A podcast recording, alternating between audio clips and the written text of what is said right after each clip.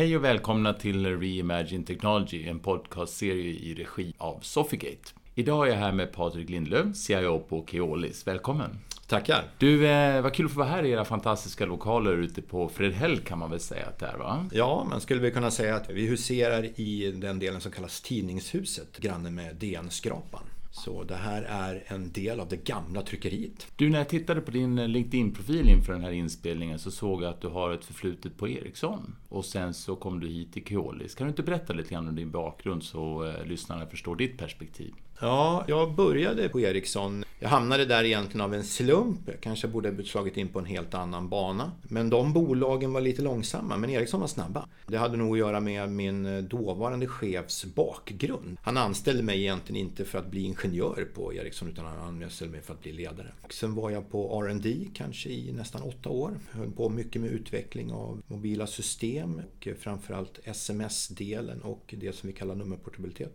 Byta operatör och behålla ditt eget nummer. Det var en försäljningssuccé på det sättet eftersom EU sa att det här ska bara införas. Så det var inte frågan om utan när man skulle köpa. Och sen efter lite andra produkter där på R&D så hamnade jag på IT. Och där var jag i åtta år. Jag var ansvarig för IT i Sverige och på slutet så ansvarar jag för ITs leverans mot finans på, internt på Ericsson. Och efter eh, mycket om och men där kände jag att det kanske var dags att lämna och sen så fick jag upp ögonen för det här. Jag fick en fråga av ska vi säga, en gammal kursare inom citationstecken som sa att borde inte du komma till mig istället och styra upp IT? Och då tänkte jag, jo, det ska jag nog göra. För Keolis var ett intressant bolag. Den håller på med hållbar utveckling, det vill säga att vi gör någonting gemensamt. Det var ju också någonting som lockade mig på Ericsson, att man bidrar till någon sorts samhällsutveckling. Och Keolis har bra värderingar och jag tror nog att det var en av de sakerna också som gjorde att jag kände att det här är helt rätt och det ska bli riktigt roligt. Spännande. Jag kommer ihåg när vi kom in i rummet här så fanns värderingarna på en skärm och vi pratade rätt mycket om dem. Att vi sätter säkerheten främst, resenären i fokus, att respektera varandra. Det är ju förmodligen värderingar som känns väldigt bra i vardagen.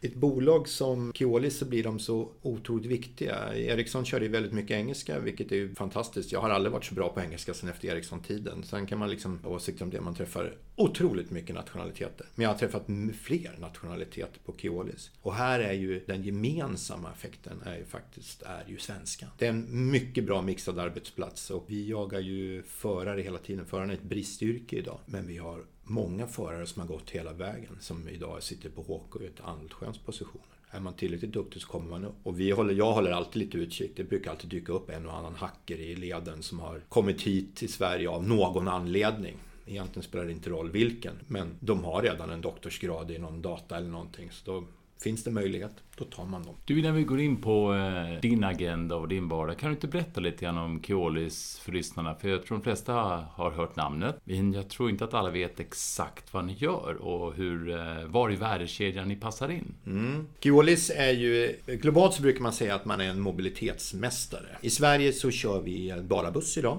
Och vi kör egentligen för landstingen. Så de, vi fokuserar mest på storstäder. Så vi har verksamhet i Stockholm, i Göteborg, Karlstad, Falun, Borlänge, Jönköping, Örebro och Norrköping har vi haft det också. Stockholm är ju den klart största. Här har vi ju av eh, SLs regibussar då, SL i Stockholm och Västtrafik förstås. Vi vill in i Skånetrafiken för de är också en av de riktigt stora. Men SL är störst, de är 50% av all lokaltrafik i Sverige. Och här kör vi City, vi kör Nacka, Värmdö och då Stockholm sydväst. Ungefär 300 bussar i varje område. Just det här då. Västtrafik är Hisingen, Mölndal, Partille och lite sådär. Om man jämför till exempel med Karlstad eller Falun-Borlänge så är det kanske en 50 bussar på varje ort. Medan då i Stockholm sitter det 350 i Stockholm. Så att jag menar det, det sätter lite magnituden då. Men vi kör egentligen då beställningstrafik kan man väl säga att vi, vi får en order att vi ska köra saker åt SR. Man förhandlar om de här kontrakten ungefär var 12 år och oftast är kontrakten 10 plus 2. Ofta så blir det 12 år.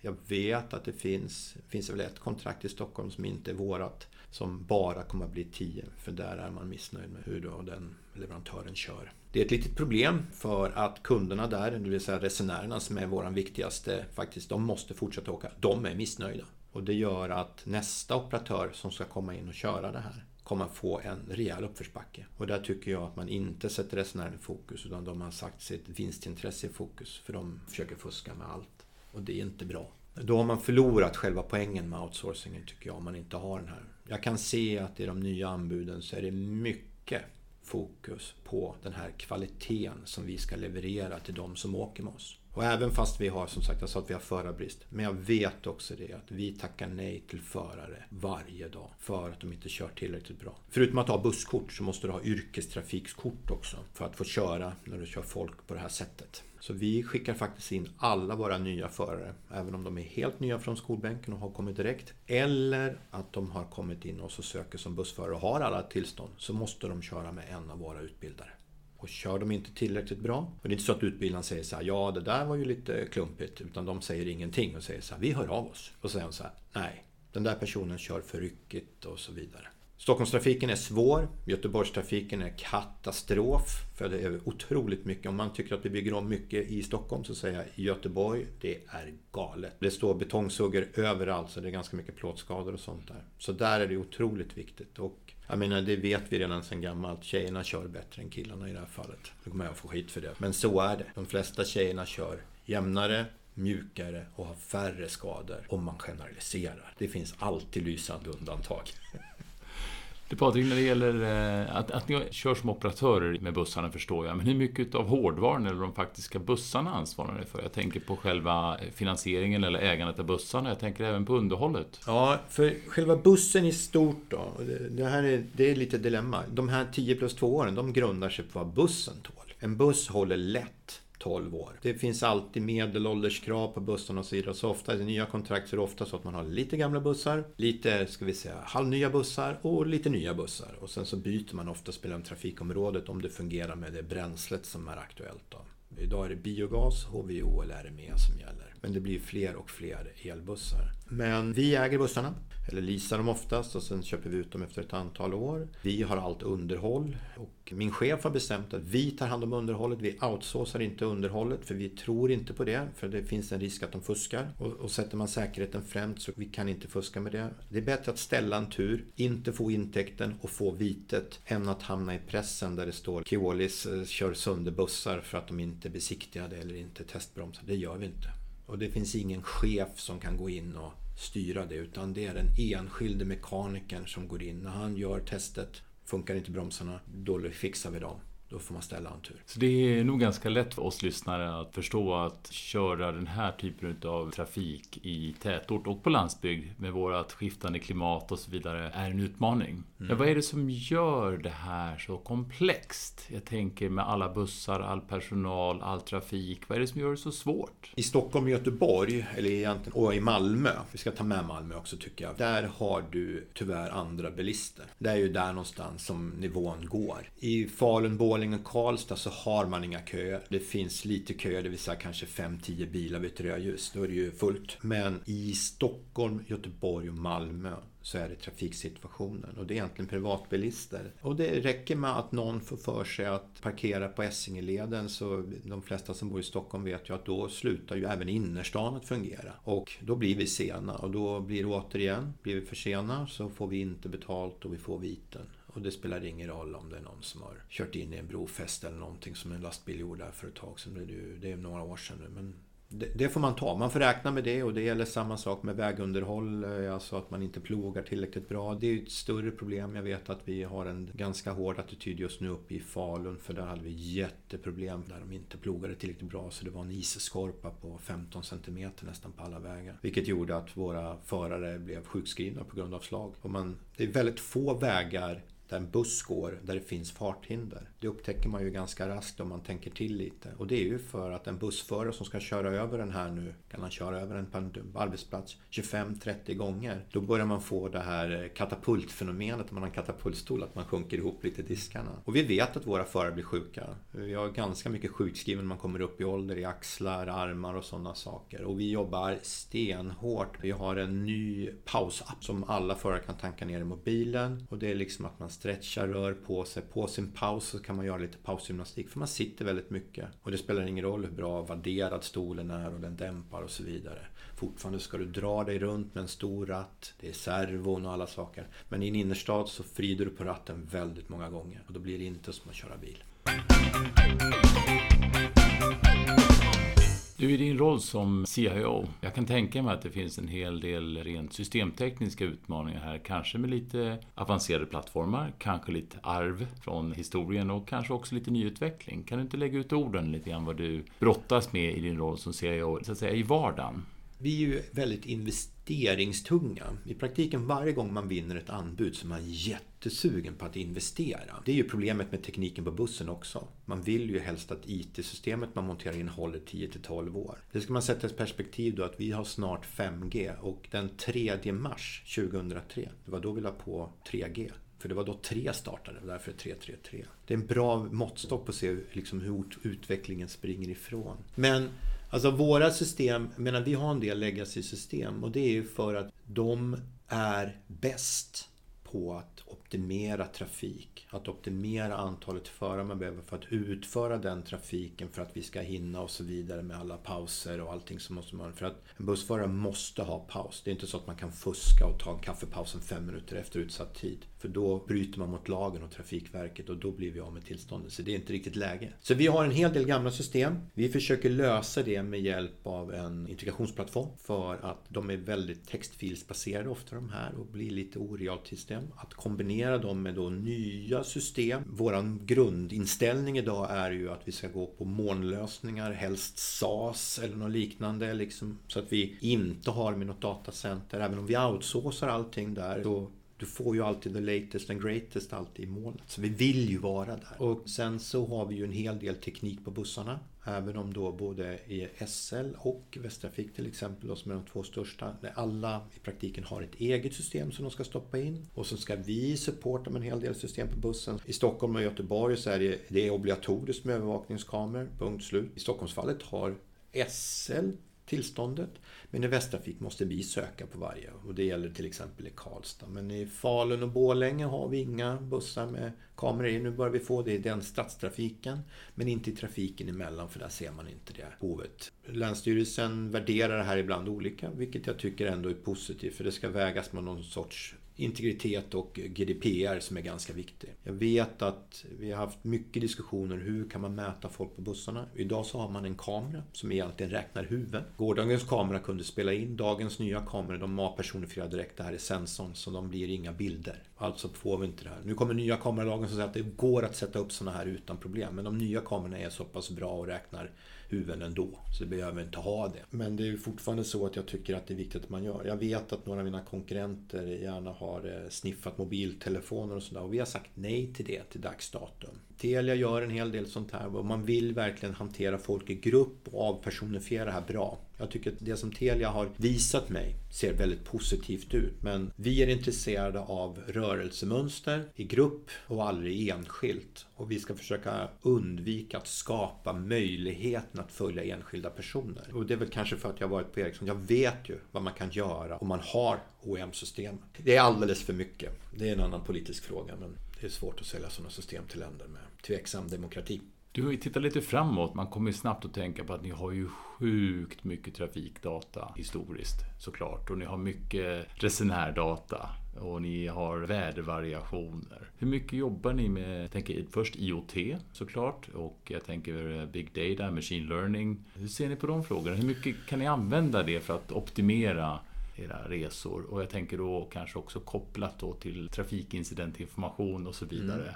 Vad, vad gör ni runt det? Det, låter ju lite ja, givande om man skulle kunna nyttja den på något sätt. Just resenärsinformation, den håller alla de här landstingen på. Där har vi ingen, så vi vet inte hur någon, till exempel ett kort, åker. Kortet identifierar om du är blippar eller någonting. Det har vi ingen för, utan det är SLs information eller Västtrafik. Vi ger förslag på omdragningar av linjer ibland för att man ska täcka ett område bättre. Däremot så vet vi hur många som kliver på med hjälp av passagerarräknarna i vilka dörrar de kliver på och vilka dörrar man kliver av. Det är framförallt intressant i Västtrafik för där får man gå på och av på alla dörrar. I Stockholm så smiter folk bara på ibland i bak men det, det, ser man på de här för den räknar egentligen bara in och ut. Men med den informationen, jag säger ju att det som vore intressant att göra en prediction, vi har diskuterat väldigt mycket att vi skulle vilja hitta något underhåll. Idag så räknar man ju fram tidtabeller och sådär, nästa buss kommer och sådär. Det gör alla.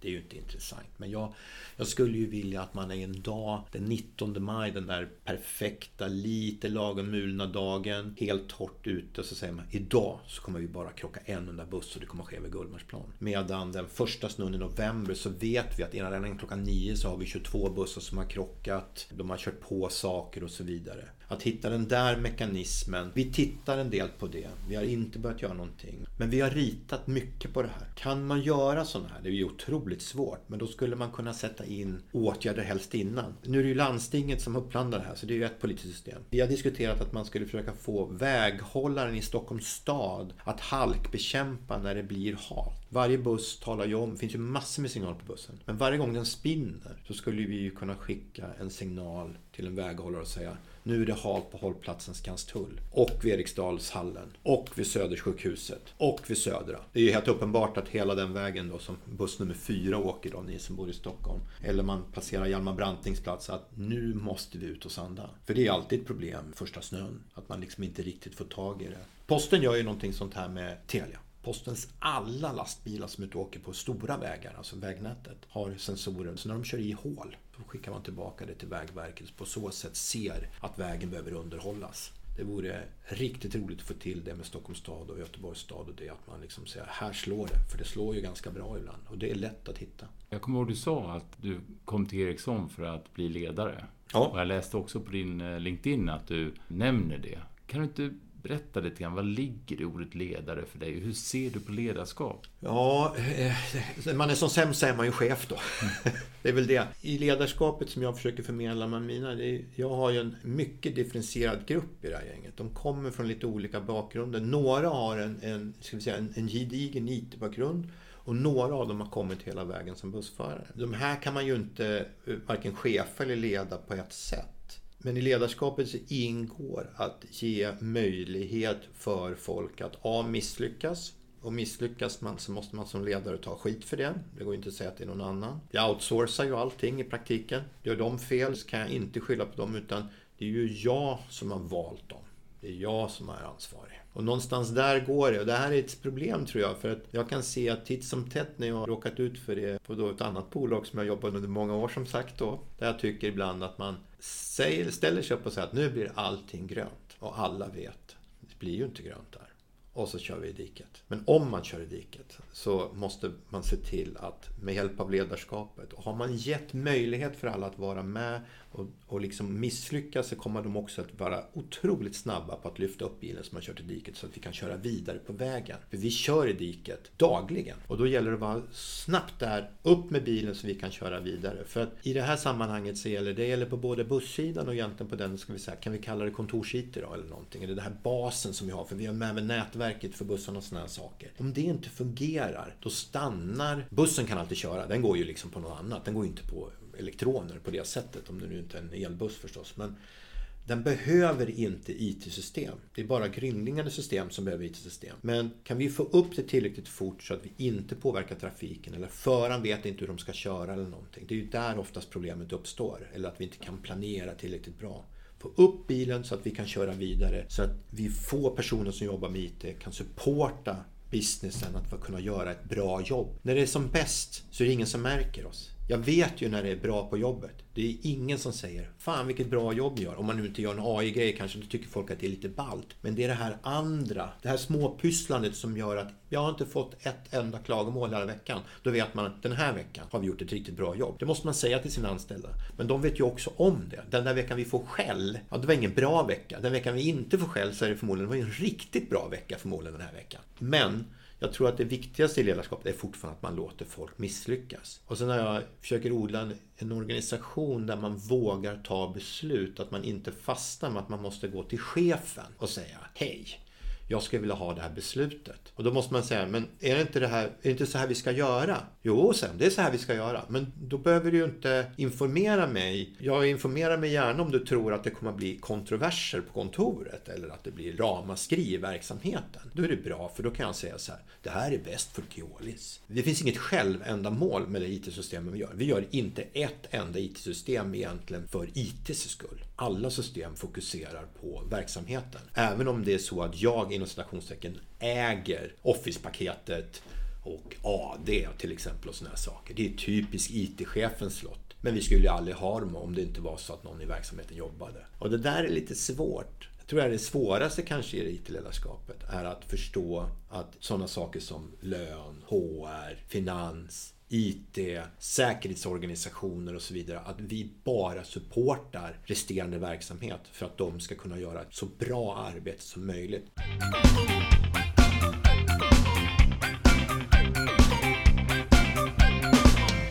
Du, förutom fina värderingar, Mm. ett meningsfullt uppdrag. Jag tänker på att man bygger samhället Mm. på ett fint sätt. En tydlig vision för ledarskap, delegerat mandat och få fatta beslut. Ja. En uppmuntran att våga göra fel. Varför ska man mer vilja jobba tillsammans med dig och er på Keolis inom IT? Det är ju det som är så intressant med den här. Jag kan, jag kan se att de senaste anbuden från SL här, där antyder man om att man... Vårt problem har ju varit att vi ska försöka få en IT-lösning som håller i 12 år. Och det är den ju hopplöst omodern. Och det är ju det att man gäller att bygga en sån, inom citationstecken, en sån underhållsfri framtidstänkande lösning som möjligt. Och jag kan också se de nya mötena. Det finns en hel del, i det här fallet trafikförvaltningen som de egentligen heter då för SL. De förhåller sig rätten att göra nya förändringar för att man inser att man vill förmodligen personifiera resandet mer och mer. Kanske inte mycket som att man har liksom poddtaxis, det tror jag inte. Men jag tror också det att olika personer, olika åldrar har olika behov av resande information kan inte säga att det är ung och gammal utan det har att göra med vad har du för jobb, vad har du för bakgrund och vad har du för idé just nu. Det är ju ofta att det finns en app man kan boka sina resor eller man kan faktiskt använda Google eller någon annan sån här.